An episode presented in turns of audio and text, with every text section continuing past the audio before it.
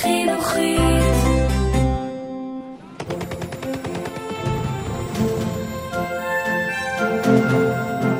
Es lebe Deutschland!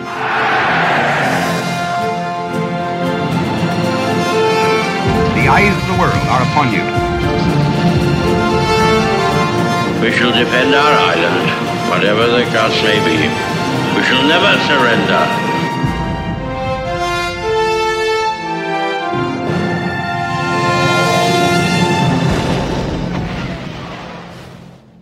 ברוכים הבאים לפודקאסט מלחמת העולם השנייה של החינוכית. אני יובל מלכי.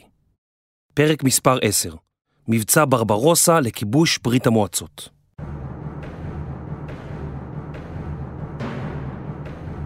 ב-21 ביוני 1941, בשעה 4 לפנות בוקר, פתחה גרמניה במבצע המלחמתי היבשתי הגדול ביותר שנראה אי פעם בעולם.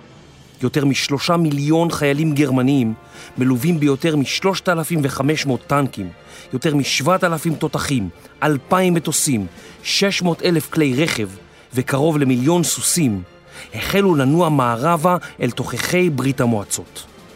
קו החזית נע בין הים הבלטי שמצפון ועד לאודסה, השוכנת לחופי הים השחור, מרחק של כ-1,600 קילומטרים. המבצע נקרא מבצע ברברוסה, על שמו של פרידריך ברברוסה, קיסר גרמני שחי קרוב לאלף שנים קודם לכן. זו עמדה להיות מערכה מדהימה וכואבת, שמספריה, הלוחמים, ההרוגים, הפצועים והשבויים, יהיו עד היום בלתי נתפסים.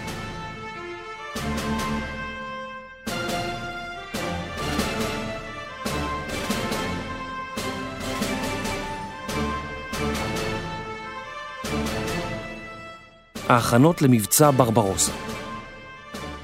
ערב פרוץ מלחמת העולם השנייה, באוגוסט 1939, חתמו שרי החוץ של גרמניה ושל ברית המועצות, ריבנטרופ ומולוטוב, על הסכם שבו התחייבו שתי המדינות שלא לתקוף זו את זו. בחלקו החסוי של ההסכם, חילקו הסובייטים והגרמנים את אזורי ההשפעה במזרח אירופה, פינלנד, לטביה, אסטוניה וליטא לברית המועצות, ופולין בין שתיהן. בתמורה התחייבה ברית המועצות להזרים חומרי גלם ברכבות אל השטחים בשליטת הרייך. לכל אחד מהמנהיגים היה אינטרס לחתום על החוזה. סטלין רצה להרחיק את הצבא הגרמני מגבולות ברית המועצות. אמנם לא פסל את האפשרות שגרמניה הנאצית תתקוף אותו, אך האמין שלא תעשה זאת, מפני שקודם היה עליה לפתוח חזית נגד צרפת ובריטניה. חזית שתהיה ארוכה ומתישה. סטלין העריך כי אין לו מה לדאוג, לפחות בתחילת המלחמה. הוא הכיר בכך שהצבא האדום לא היה מוכן דיו למלחמה מול הצבא הגרמני, והיה בטוח כי עד העימות מולו, ברית המועצות תבנה צבא חזק ומצויד היטב. מטרת הברית, מבחינת היטלר, הייתה להרדים את סטלין. הוא לטש עיניים לחומרי הגלם של אדמות רוסיה, וכך גם גרם לסטלין להאמין. היטלר רצה שהרוסים ישבו בשקט בזמן שהוא כובש את פולין ואת מערב אירופה. אך הוא שנא את הקומוניסטים יותר מכל אחד אחר, אולי חוץ מהיהודים. הוא כבר היה בעיצומן של תוכניות לכיבוש ברית המועצות, תוכניות שהחל לרקום עוד לפני שהחלה המלחמה.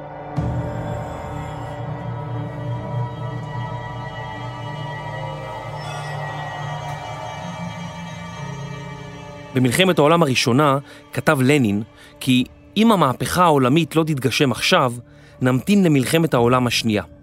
סטלין ואנשיו שמחו כאשר היטלר הופיע. הם האמינו שהמלחמה שהוא יצית באירופה תהיה מלחמה שתאפשר לקומוניסטים לכבוש את לבבות מעמד הפועלים, ולבסוף את אירופה כולה. שני המנהיגים, ששנאו זה את זה שנאה עזה, הושיטו יד האחד לאחר בפרוץ המלחמה. בעודם מסתירים את הקלפים האמיתיים קרוב לחזה. באמצע שנת 1941 שלטו מדינות הציר, גרמניה ואיטליה, ברוב יבשת אירופה, ורק בריטניה במערב וברית המועצות במזרח עמדו מולן. בריטניה הייתה נתונה במצור ימי ובסכנת חנק כלכלי. הצוללות הגרמניות שייטו באוקיינוס האטלנטי והטביעו ספינות צבאיות ואזרחיות, כמו גם צוללות בריטיות.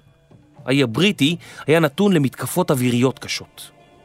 ההישגים של היטלר נראו אדירים, אך בפועל לחיל האוויר ולחיל הים לא היו הצלחות גדולות מספיק כדי להציג את הרייך ככוח בלתי מנוצח.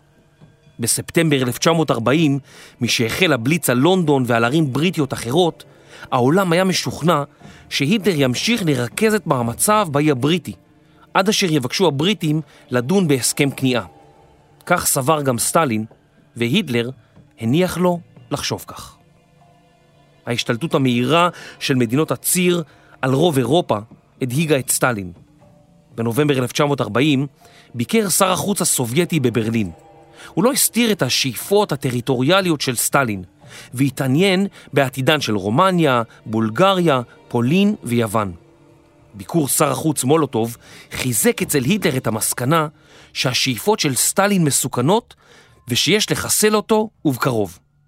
כמה חודשים לפני כן, בחודש 1939, הסתבכו הסובייטים במאבק מול פינלנד הקטנטונת, ובקושי רב עלה בידי הצבא הסובייטי לנצחה. הדבר לא נעלם מעיני היטלר. במו עיניו הוא ראה את צבא ברית המועצות החלש, צבא שרבים ממפקדיו הטובים ביותר נזרקו לגולגים, מחנות עבודה וענישה. לאחד ממפקדיו אמר היטלר על ברית המועצות כי עלינו רק לבעוט בדלת וכל המבנה הרקוב התמוטט. לא כל צמרת הפיקוד הסכימה עם תפיסתו של היטלר, אך הוא התעקש כי יש לחסל את היריבה במהירות, ואז להפנות משאבים לחיזוק הכוחות שיאפשרו לכבוש את בריטניה. וכך, כאשר העולם עדיין מאמין כי היטלר ינסה לכבוש את בריטניה, החלו הגרמנים לתכנן את כיבוש ברית המועצות.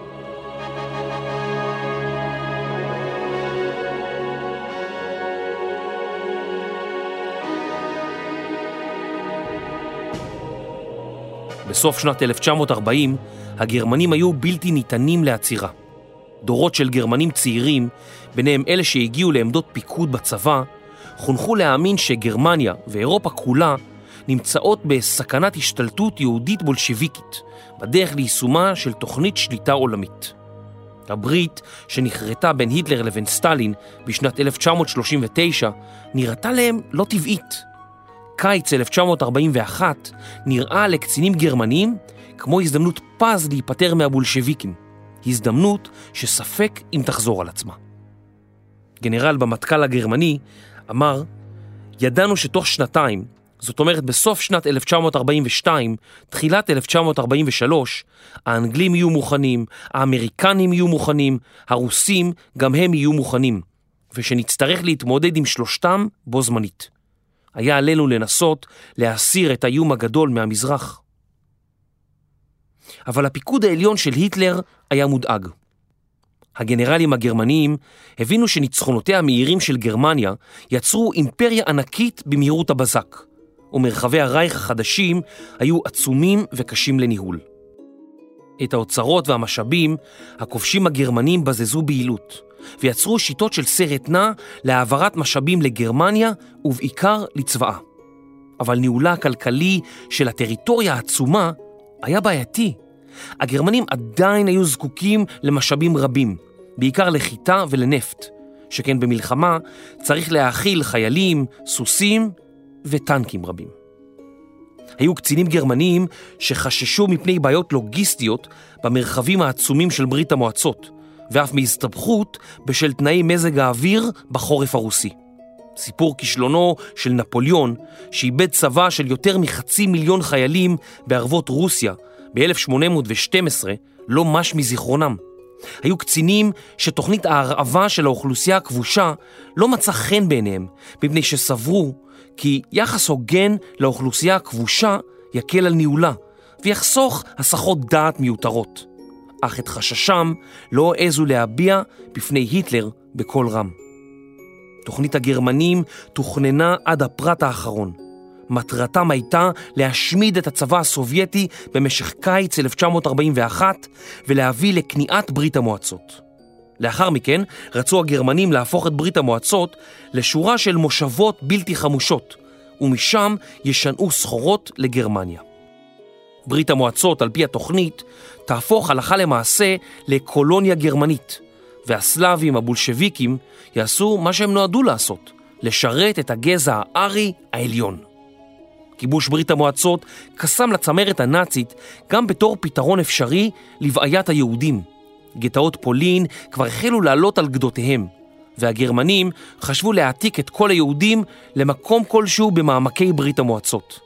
היה נחמד לדמיין את כל יהודי אירופה בסיביר או במקומות שכוחי אל בערבות ברית המועצות. איך הם הסתדרו שם? זו כבר הייתה בעיה שלהם.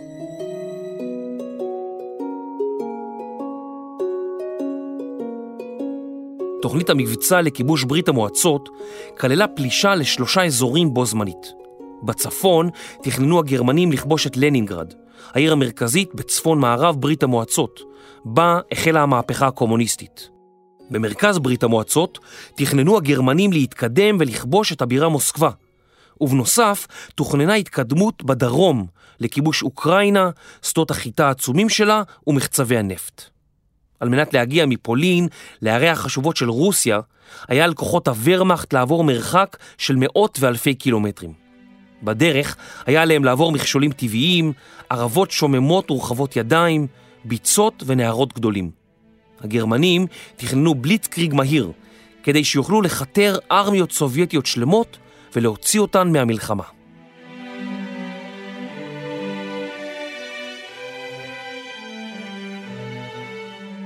מאז ינואר 1941 עבר הצבא הסובייטי שינויים מרחיקי לכת תחת ידיו של הרמטכ"ל גאורגי ז'וקוב. יחידות טנקים רבות שהושבתו במהלך התיאורים הגדולים של סטלין חזרו לחיים, אך עדיין היו זקוקות לאימונים. החיילים הרוסים סבלו ממורל נמוך וליווה אותם פחד תמידי מפני המשטרה החשאית, ה-NKVD, שווידאה שלא היו בין החיילים אויבים כנגד הקומוניזם והמפלגה הקומוניסטית. הצבא האדום לא היה מוכן למלחמה, ובהחלט לא היה מוכן לבלום את הכיבוש הגרמני. לפני 1939 ערך משטרו של סטלין תיאורים מאלמנטים בלתי רצויים בקרב הקצונה הבכירה. קצינים רבים נשפטו בהאשמות שונות, בדרך כלל בחוסר נאמנות למפלגה הקומוניסטית, ונשלחו למחנות עבודה או שהוצאו להורג. גנרל בריטי שביקר במוסקבה באותם הימים, כתב כי כאשר נכנס סטלין לחדר, כל רוסי קפא במקומו ובשתיקתו, ועל פני הגנרלים הופיע מבט מפוחד של ניצודים, בו הם היו שרויים כל הזמן.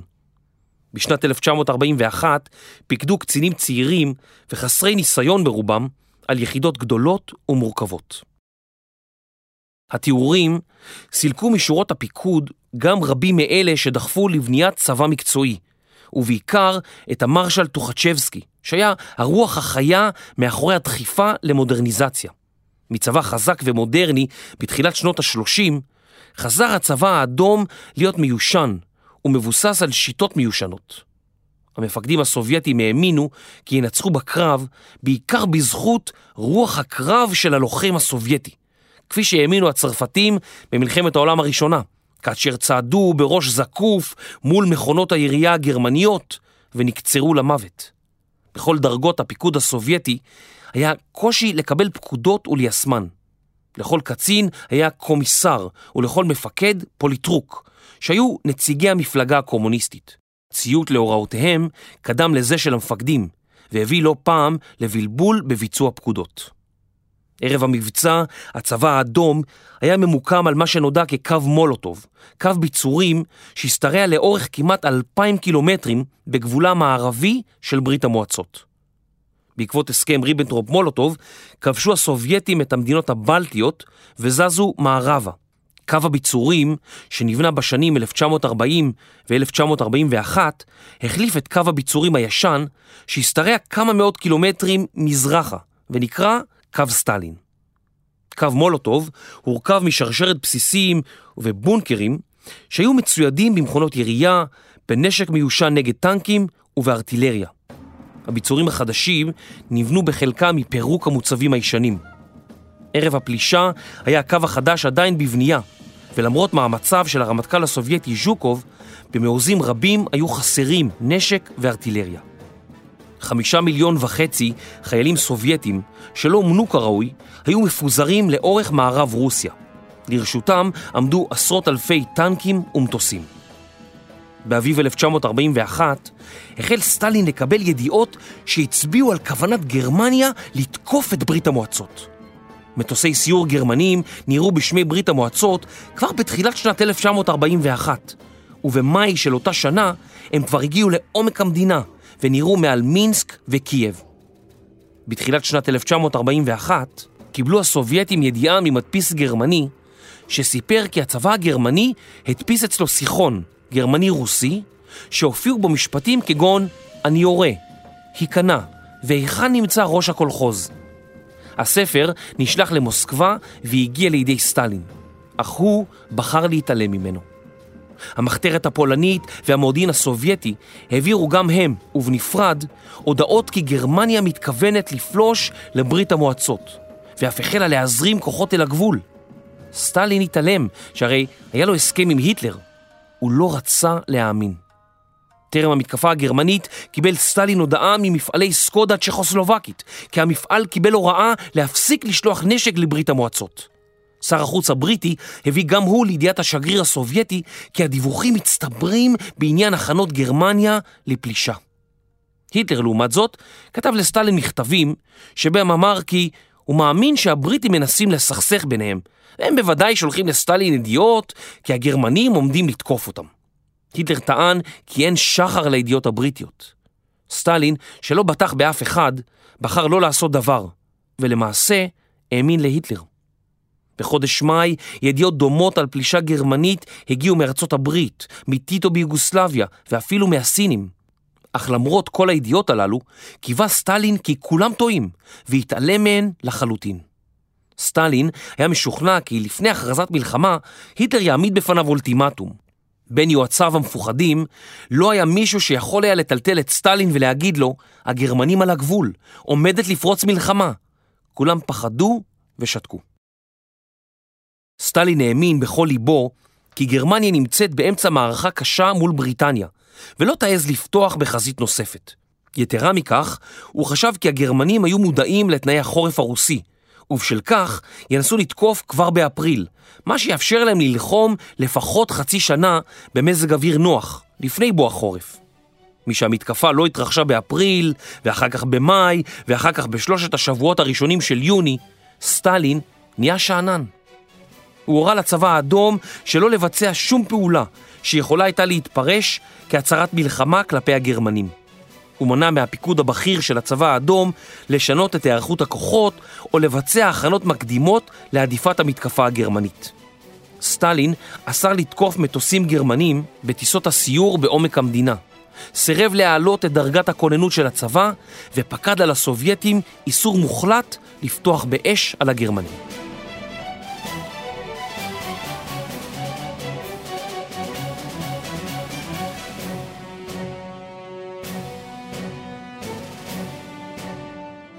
ב-21 ביוני 1941 הואר סטלין משנתו. יועציו הודיעו לו כי הגרמנים פלשו לברית המועצות והם מתקדמים במהירות במספר מקומות בו זמנית. סטלין הפטיר לעוזריו, לנין השאיר לנו ירושה אדירה, ואנחנו דפקנו אותה. כשהבין סטלין ששגה בהערכותיו, ועתה עמדה מולו מכונת המלחמה הגרמנית האדירה, הוא היה עמום, ואף נתקף במין שיתוק. הוא נסע הרחק מהבירה למספר ימים. את ההודעה על תחילת המלחמה בברית המועצות נשא שר החוץ מולוטוב בנאום רדיופוני לאומה. אזרחי ברית המועצות, הממשלה הסובייטית וראשה, החבר סטלין, הסמיכו אותי לשאת את ההודעה הבאה. היום, בארבע לפנות בוקר, פלשו כוחות גרמניים ללא התגרות וללא אזהרה והפציצו את ערינו. המלחמה הזאת נכפתה עלינו. לא על ידי העם הגרמני, לא על ידי עובדים גרמנים, עיקריים ואינטלקטואלים, שסבלותיהם אנו מבינים היטב, אלא על ידי קליקה של שליטים פשיסטים צמאי דם. הממשלה קוראת לכם, אזרחי ברית המועצות, להתגייס סביב המפלגה הבולשביקית המפוארת שלנו, סביב הממשלה הסובייטית שלנו, סביב המנהיג והחבר הגדול שלנו, סטלין. השיטה שלנו היא מטרה צודקת. הניצחון יהיה שלנו. למרות הנאום, ההנהגה הסובייטית הייתה עובדת עצות, ובמשך מספר ימים היה נראה כאילו גורלה של ברית המועצות נחרץ.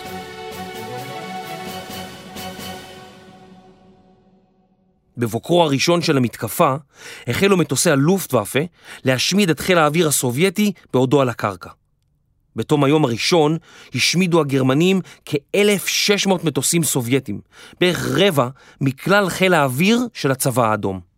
הגרמנים התקדמו עשרות קילומטרים כבר ביום הראשון, והצליחו לאגף יחידות סובייטיות ולקחת בשבי מאות אלפי חיילים של הצבא האדום. יום למחרת הצליחו הגרמנים להשמיד כאלפיים מטוסים סובייטים שהיו מרוכזים סמוך לגבול עם פולין. מפקד חיל האוויר של החזית המערבית הסובייטית, איוון קופץ, עלה לאוויר לזכור את הנזק שנגרם לשדות התעופה. בשובו הוא התאבד בירייה לראשו. הגרמנים התקדמו מזרחה בעזרת מערכת הרכבות הסובייטית ובעזרת הטנקים שגמו יותר מ-80 קילומטרים ביום. חיל הרגלים הגרמני הלך כ-20 קילומטר ביום, בעוד החיילים נוסעים על גבם יותר מ-20 קילו ציוד, נשק, תחמושת, מים ומזון. כאשר עברו חילות הרגלים בכפרים הסובייטים הכבושים, היכן שעברו הטנקים והמטוסים הגרמנים קודם לכן, הם ראו את הכפרים עדיין בוערים. גופות חיילים רוסים מתים ובוהים בחלל האוויר, גופות נפוחות של פגרי סוסים וטנקים שרופים ושחורים. עד סוף חודש יוני, בעשרה ימים בלבד, הגיעו הגרמנים למינסק, כמעט חצי הדרך בין הגבול שבין פולין למוסקבה. את קו סטלין מוטטו הגרמנים בארבעה ימים בלבד. כבר בימים הראשונים של המבצע הצליחו הגרמנים להשמיד או לתפוס 9,300 טנקים ויותר מ-16,000 תותחים. מספר השבויים הסובייטים עמד לאחר מספר ימים על 2 מיליון ורבע חיילים. זו הייתה תבוסה מוחצת לחלוטין. את השבויים הסובייטים שהגרמנים לכדו בכמויות עצומות היה צריך לשנע. כיוון שלא היו בידי השובים כלי רכב, נאלצו השבויים ללכת לאורך עשרות ומאות קילומטרים. או שהושלכו אל קרונות, שם נדחסו כאילו היו עדרי צאן. רבים לא שרדו את המסע.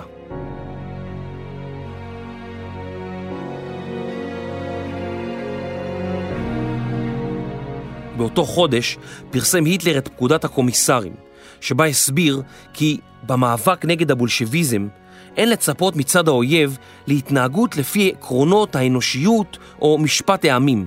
לפיכך, כאשר תופסים אותם בזמן קרב או התנגדות, יש לחסלם מיד וביסודיות. הכוח הגרמני העצום במרכז ברית המועצות המשיך לדהור לעבר מוסקבה. הגרמנים עדיין נעו בשטחים של עמים שנכבשו על ידי הרוסים, ולא בשטח רוסי. הם עברו 650 קילומטרים, יותר ממחצית הדרך של אלף הקילומטרים שהיה עליהם לעבור. פרנץ הלדר, ראש המטה הכללי של הוורמאכט, הכריז בתחילת חודש יולי.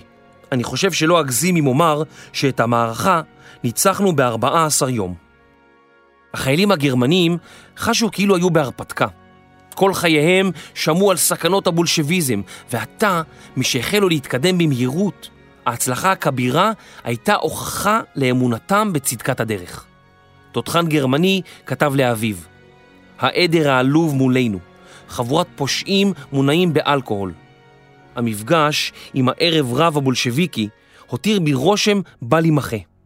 כולנו משוכנעים שהמלחמה מול תתי אדם אלה, ששולהבו על ידי היהודים, מתבצעת ממש ברגע האחרון.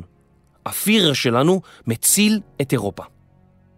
חייל אוסטרי כתב להוריו, כתבתי לכם כבר על זוועות גן העדן הסובייטי.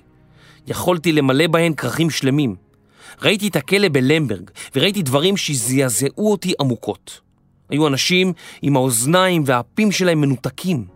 הם הסמרו ילדים בידיהם וברגליהם אל הקיר ושחטו אותם. הדם היה בגובה הקרסול. הם העלו ערימות של גופות באש. הצחנה הייתה איומה. אני חושב שאפילו אחרי שנים של הכנות, הגרמנים לא יהיו מסוגלים לעשות זוועות שכאלה. משלחת מנהיגי המפלגה הקומוניסטית נשלחה לשוחח עם סטלין ולבקש ממנו כי יחזור למוסקבה להנהיג את ברית המועצות בזמן המלחמה. בשלושה ביולי, לאחר שחזר לבירה והתאושש במקצת, נשא סטלין נאום לאומה. הנאום היה מוזר. סטלין דיבר בקול שקט ורגוע, כאילו היה תחת השפעה של תרופות הרגעה. מדי פעם עצר ולגם כוס מים. בנאומו ניתן היה לשמוע את מבטאו הגרוזיני הכבד. פתיחת הנאום הייתה מפתיעה מאוד. במקום לדבר בקול סמכותי אל האזרחים, הוא דיבר אליהם באופן אישי.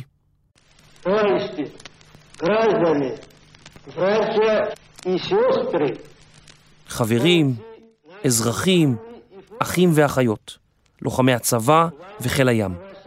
אני מדבר אליכם, חברים יקרים. זוהי המלחמה הפטריוטית הגדולה. וליקיה או תצ'סביניה ווינה. האם זה באמת נכון שהצבא הגרמני פשיסטי הוא בלתי מנוצח כמו שהם מתרברבים? ברור שלא. צבא זה לא פגש עדיין בהתנגדות רצינית ביבשת אירופה. רק על השטח שלנו הוא ייתקל בהתנגדות רצינית.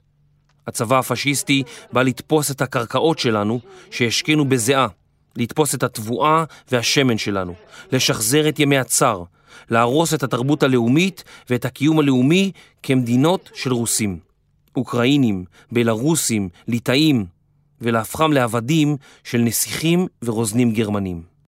באופן מפתיע, היה הנאום מוצלח בצורה בלתי רגילה. קולו השקט והשלב של סטלין היה בדיוק מה שאזרחי ברית המועצות היו זקוקים לו. בבת אחת התאחדו אזרחי המדינה סביבו והחלו להתגייס לצבא. ההערצה לסטלין נסקה לשמיים.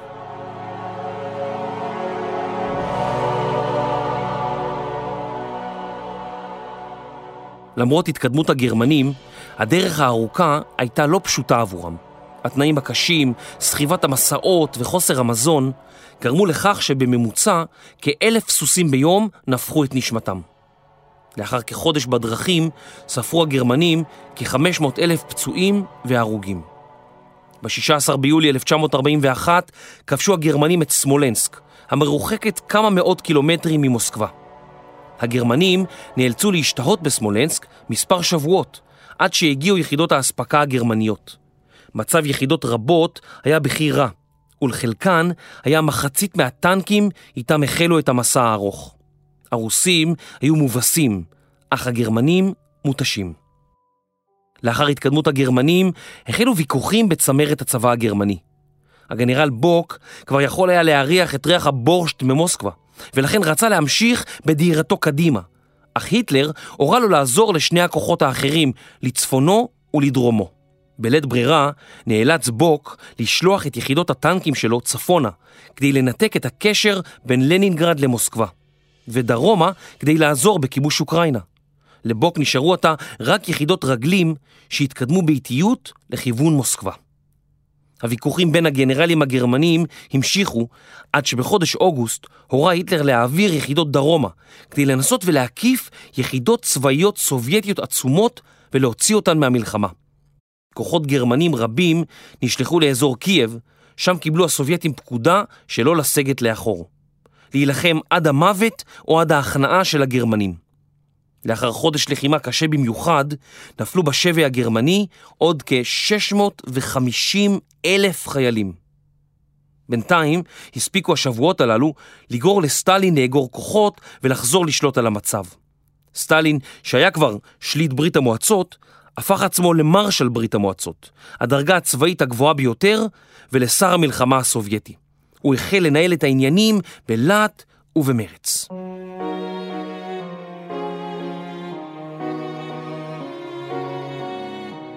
היטלר נקרא בין האפשרויות של כיבוש דרום ברית המועצות, כיבוש מוסקבה במרכז וכיבוש לנינגרד בצפונה. למרות שהיטלר הזיז כוחות רבים דרומה, הוא חשב כי יש צורך לכבוש את לנינגרד לפני כיבוש מוסקבה. היטלר הזיז את כוחותיו לאורך חזית עצומה בגודלה, לאורך ולרוחב מאות ואלפי קילומטרים, וגרם לשחיקה בכוח הלחימה ובמורל החיילים. לא היה זה משחק שחמט שבו מזיזים חיילים והם אינם מתעייפים. מתי בפעם האחרונה ראיתם את הסוס בשחמט נופל באמצע המשחק מתשישות? הזזת הכוחות הגרמניים גרמה להיטלר לאבד את יכולת ההפתעה של הצבא הגרמני. ביולי 1941 עמדו כוחותיו של היטלר לכבוש את לנינגרד, אך ההתנגדות הסובייטית שהלכה והתגברה, לצד עייפות החיילים הגרמנים, גרמה לכך שלנינגרד לא נפלה בבת אחת כפי שקיווה היטלר. בסוף חודש יולי הגיעו כוחות גרמניים לפאתי לנינגרד, אך היטלר חשש לאבד חיילים רבים בקרבות רחוב והורה להם לעצור ולהטיל מצור על העיר. בתחילת חודש ספטמבר הצליחו הגרמנים לנתק את הקשר היבשתי שבין לנינגרד למוסקבה, כפי שדרש היטלר. ניתן היה להביא אוכל אל העיר הנצורה דרך נהרות או מהאוויר, אך היו אלה כמויות זעומות יחסית לצורך התושבים. הספינות והמטוסים שניסו להגיע אל העיר נתקלו באש גרמנית, בעוד לנינגרד עצמה הופצצה יום ולילה בתותחים רבי עוצמה. בחודש אוקטובר מחלות רבות החלו פורצות בעיר והרעב הפך להיות כבד ביותר. משפחות לא מצאו דרך כיצד להאכיל את ילדיהן, וקרוב לחמשת אלפים איש מאזרחי לנינגרד גבעו למוות בכל יום. הערכות המודיעין הגרמני על כמות החיילים הסובייטים היו נמוכות. להפתעת הגרמנים, הסובייטים המשיכו לשלוח עוד ועוד דיוויזיות במקום אלו שנפגעו. בסוף אוגוסט הגיע למוסקבה מידע קריטי מהמרגל ריחרד זורגה ששהה ביפן. הוא דיווח שהיפנים החליטו שלא לפתוח חזית מול ברית המועצות, אלא להתרכז בקרבות מול סין ובשליטה באוקיינוס השקט ובדרום מזרח אסיה. סטלין הורה להעביר אוגדות שלמות מסיביר וממזרח ברית המועצות לאזור מוסקבה. הגרמנים לא ידעו על כך דבר.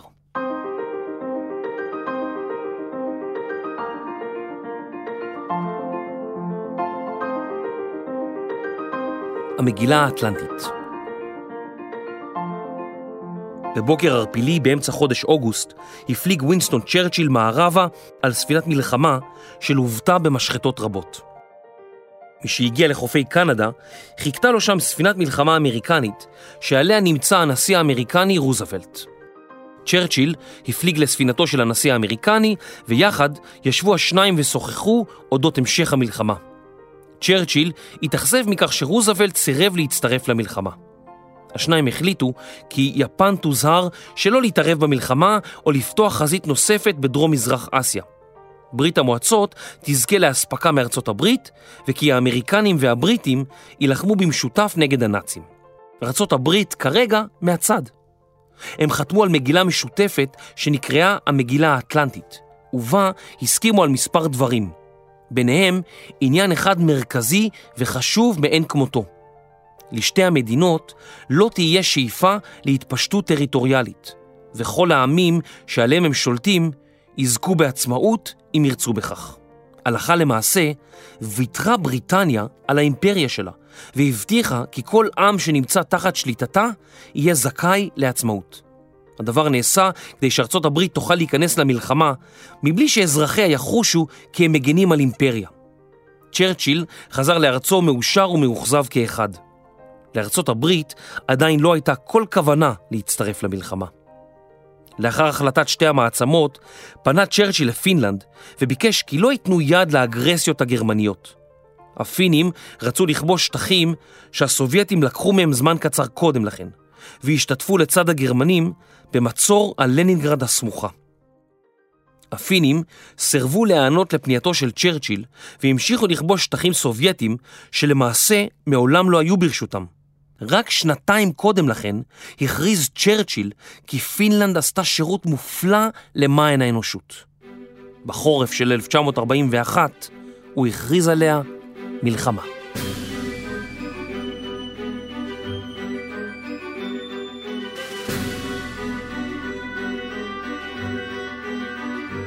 מוסקבה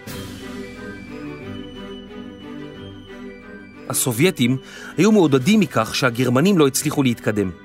עתה משהלך ועבר חודש ספטמבר, שררה שמחה במטה הסובייטי, מפני שהם לא האמינו כי מישהו בדעתו השפויה ינסה לכבוש את מוסקבה קרוב כל כך לחורף הסובייטי חסר הרחמים. היטלר, לעומת זאת, היה מתוסכל לאחר שראה כי לא הצליח לכבוש את לנינגרד. עתה הוא הורה לכוחות הגרמנים לשוב ולכבוש את מוסקבה. ב-30 בספטמבר 1941 פתחו הגרמנים במבצע טייפון לכיבוש עיר הבירה הסובייטית. את המבצע הוביל היינץ גודריאן, קצין שריון מוכשר שהוזכר בפרקים קודמים. תוך ימים ספורים הקיפו הגרמנים מאות אלפי חיילים סובייטים מופתעים שנכנעו במהרה. ב-4 באוקטובר 1941 נשא היטלר נאום ארוך לאומה הגרמנית, בו הסביר כי האויב כיוון אליהם רובה, והוא היה חייב לפלוש לברית המועצות לפני שהאויב ילחץ על ההדק. היטלר נקב במספרים שנראו דמיוניים לקהל בבית. לכדנו שני מיליון וחצי שבויים גרמנים, 18 אלף טנקים ו-4,500 מטוסים הושמדו.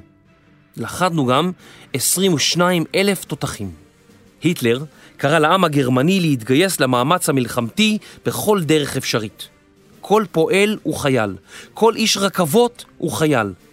כולם חייבים לבנות כלי מלחמה. מה שהושג בחזית זו, החזית התעשייתית, הוא גרנדיוזי לא פחות ממה שהושג בחזית. היטלר המשיך ואמר כי רק כאשר העם הגרמני כולו יהפוך להיות קהילה אחת של קרבה, נוכל לצפות לעזרתו של אלוהים. אלוהים מעולם לא עזר לאדם עצלן. הוא לא עוזר לפחדן, הוא לא עוזר לאנשים שאינם יכולים לעזור לעצמם. עזרו לעצמכם, ואלוהים לא יוכל למנוע מכם את עזרתו.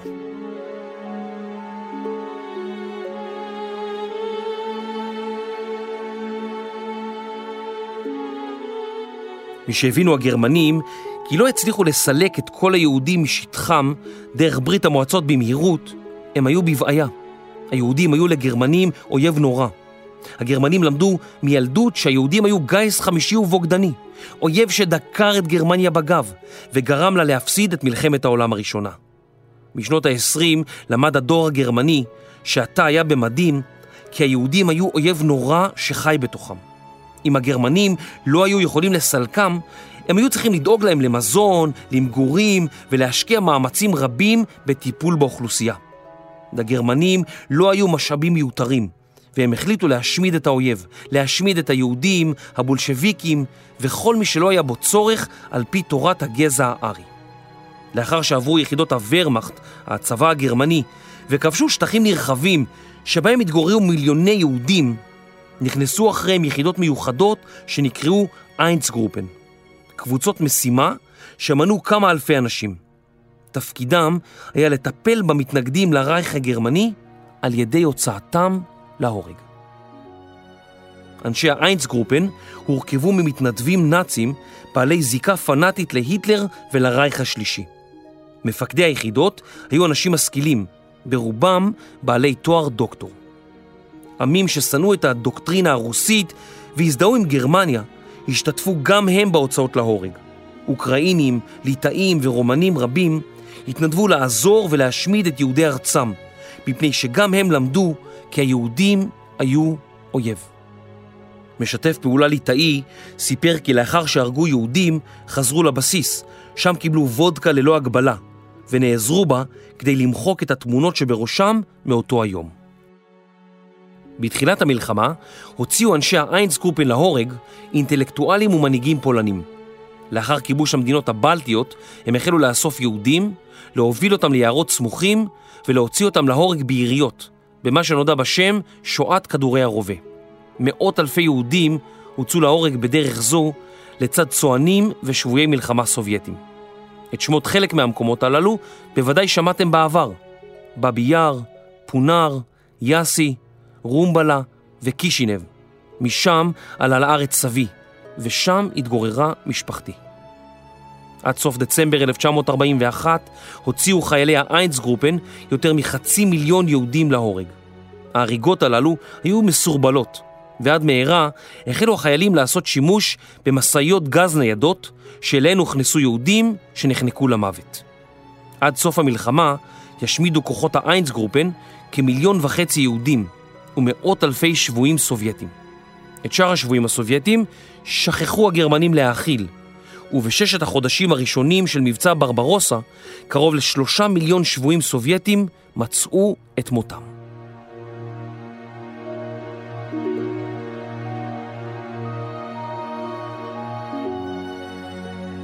בשבוע הראשון של חודש אוקטובר עשו הגרמנים את דרכם למוסקבה. באותו שבוע החלו לרדת גשמים מלווים בשלג. העונה הזאת נקראת רספוטיצה ברוסית, העונה הבוצית, שבה דרכים הופכות להיות בלתי עבירות. החורף הרוסי, כך נראה, הגיע מוקדם באותה שנה. גנרל גרמני סיפר, לאחר שלכדנו את הכוחות הרוסיים, התקדמנו לכיוון מוסקבה. הייתה התנגדות מועטת באותו זמן, אך קצב ההתקדמות שלנו היה איטי, מפני שהבוץ היה נוראי והכוחות עייפים. יתרה מזאת, הכוחות פגשו בעמדות הגנתיות שתוכננו בצורה טובה ואישו איתם כוחות רוסיים טריים. רוב המפקדים החלו לשאול, מתי אנחנו עומדים לעצור? בשבוע הראשון של אוקטובר, משהחל שלג לבן לכסות את הדרכים, היו הגרמנים מותשים לחלוטין. רוב הכוחות הגרמניים היו בתנועה מתמדת מסוף חודש יוני, שלושה חודשים וחצי ללא הפוגה או החלפה. לרבים לא היה ציוד חורף מתאים, ולכן לא היו מסוגלים לשהות בחוץ בשעות הלילה הקפואות.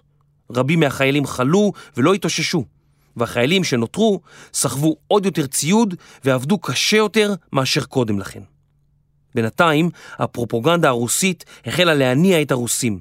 הסיסמה, אנו נהרוס את רוצחי ילדינו, נשמעה בכל מקום. אבל הגרמנים המשיכו לנוע קדימה, ובאוקטובר הגיעו למרחק של 65 קילומטרים ממוסקבה. הדרכים הפכו אותה קשות וקפואות ועזרו לכלי הרכב הגרמנים להמשיך בתנועה. היה נראה כי הגרמנים באמת עומדים לכבוש את העיר. רצועות ההגנה מצפון לערב למוסקבה נפלו זו אחר זו, ומאות אלפי חיילי הצבא האדום נפלו בשבי. לאחר כמה שבועות של דכדוך ותחושת חוסר התקדמות, דרכו של הצבא הגרמני למוסקבה נראתה לפתע פתוחה. מורל החיילים הגרמנים עלה, ולפתע בגרמניה החלו לשיר שירי ניצחון. בינתיים העביר הרמטכ"ל ז'וקוב יחידות סובייטיות רבות מסיביר לאזור הקרבות בחזית המזרחית, והיחידות צוידו ואומנו היטב ללחימה בחורף. הם החלו להילחם בחירוף נפש בגרמנים שהלכו והתקרבו למוסקבה. הרוסים גייסו כל מי שהיו לו שתי ידיים לעזור בהכנת ביצורים לעיר. עשרות אלפים מתושבי העיר, ביניהם נשים ונוער, חפרו תעלות עמוקות נגד טנקים במשך שעות ארוכות ובקור מקפיא. המשטרה החשאית החלה לירות בכל חייל שנסוג מהחזית. לחיילים הסובייטים לא הייתה ברירה. היה עליהם להילחם עד מוות או למות. הרוסים הפעילו את תוכנית האדמה החרוכה, לפיה כל בית או אסם שהיו יכולים להועיל לגרמנים כמחסה בימי החורף הקפואים, נשרפו עד היסוד. ובכל זאת, הגרמנים המשיכו להתקרב לעיר. הבהלה במוסקבה הפכה לפניקה של ממש, ואזרחים רבים החלו לבזוז מכל הבא ליד. פלוגות של ה-NKVD נשלחו להחזיר את הסדר לעיר, לירות בכל מי שנחשד כעריק ולאסור כל אדם שנחשד בביזה. העיר חזרה לתפקד בצורה חלקית ביותר. אלפים צבעו על תחנות הרכבת במטרה לברוח מזרחה.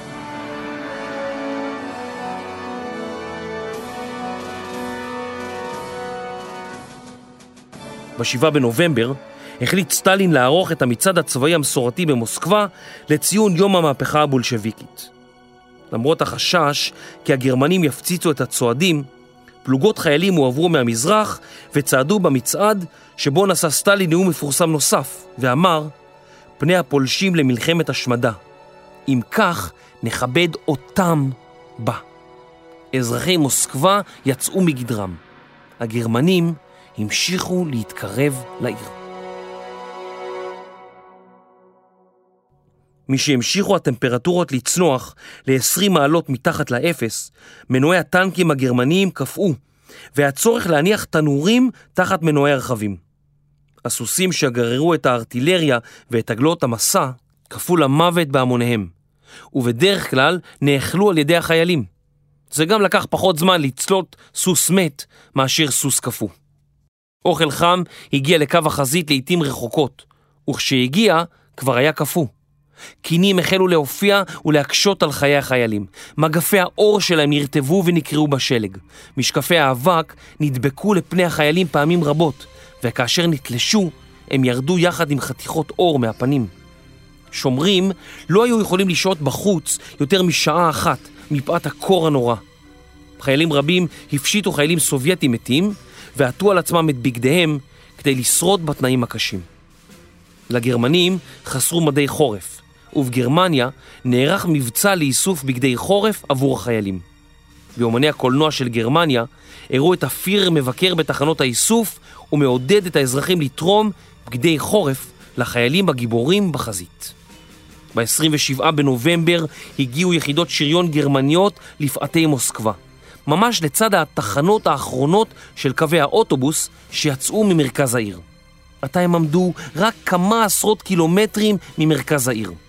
חייליו של ז'וקוב הגנו על עמדותיהם בחירוף נפש. כלי הרכב הסובייטים יצאו ממבנים מחוממים, בעוד כלי הרכב הגרמניים סבלו קשות מהקור.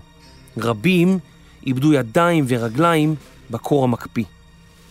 החיילים הרוסים, שהיו מצוידים היטב לחורף, הצליחו לעצור את המתקפה הגרמנית.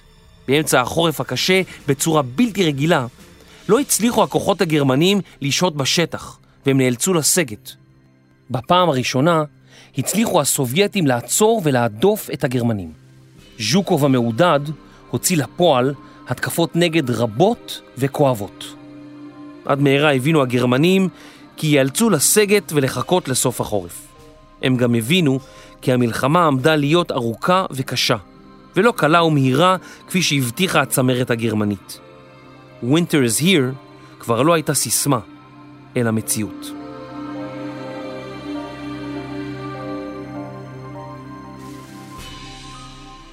מבצע ברברוסה גבה מספרים שקשה לתפוס, קשה להבין.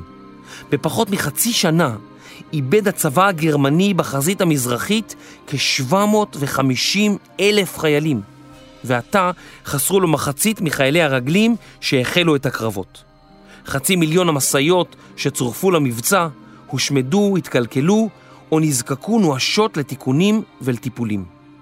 את יחידות הטנקים היה צריך גם כן לשקם, והיה נראה כי הגרמנים יזדקקו לחצי שנה לפני שהיחידות יחזרו לחוזקם המקורי. צבאות המדינות שהשתתפו בלחימה לצד הגרמנים, פינלנד, רומניה והונגריה, איבדו גם הן מאות אלפי לוחמים. אך אובדן מדינות הציר היה כאין וכאפס לעומת האובדן הסובייטי. בין חודש יוני לתחילת חודש דצמבר 1941, פחות מחצי שנה, נהרגו שלושה מיליון חיילים סובייטים, ושלושה מיליון וחצי נלקחו בשבי. כמעט כולם מצאו בו את מותם. יותר ממיליון אחרים נפצעו. קרוב לשמונה מיליון חיילים סובייטים עבדו במשך מספר חודשים בלבד. הגרמנים היו מעודדים מהמספרים הללו. נראה שהסובייטים עמדו בכל זאת לנחול מפלה. בתחילת חודש דצמבר 1941 עצרו הגרמנים את מבצע ברברוסה. הם נסוגו כדי להתארגן מחדש. בקרוב הם קיוו, תחל מתקפה חדשה בכוחות רעננים, בציוד תקין וביישום הלקחים שלמדו בחצי השנה האחרונה.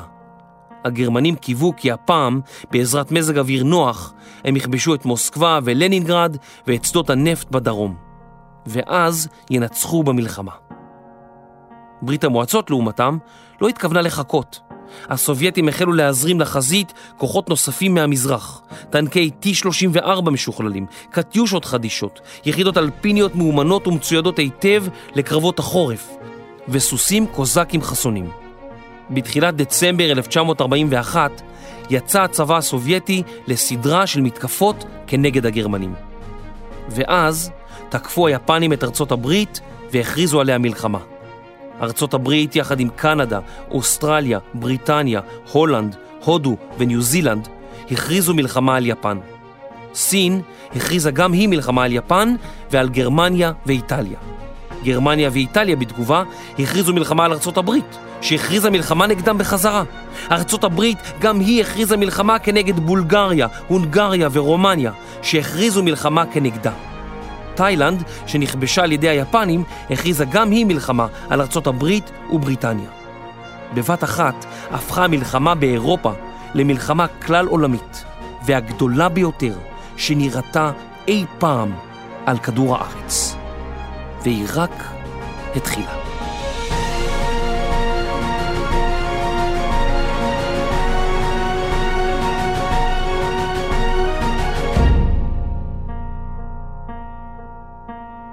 פרק מספר 10, מבצע ברברוסה, פלישת גרמניה לברית המועצות. מחקר, כתיבה ועריכה, דינה פוזניאק ויובל מלכי. מפיק ראשי, רני שחר. עריכת לשון, דינה בר מנחם. עריכת סאונד, סוף הסטודיו. אחראית מטעם החינוכית, שרון ויינברג שפיגלר. שותפי הפקה, פודקאסט ישראל בע"מ. הפקה, קטעים בהיסטוריה. נשתמע בפרק הבא. אני יובל מלכי. מלחמת העולם השנייה, פודקאסט של החינוכית. חי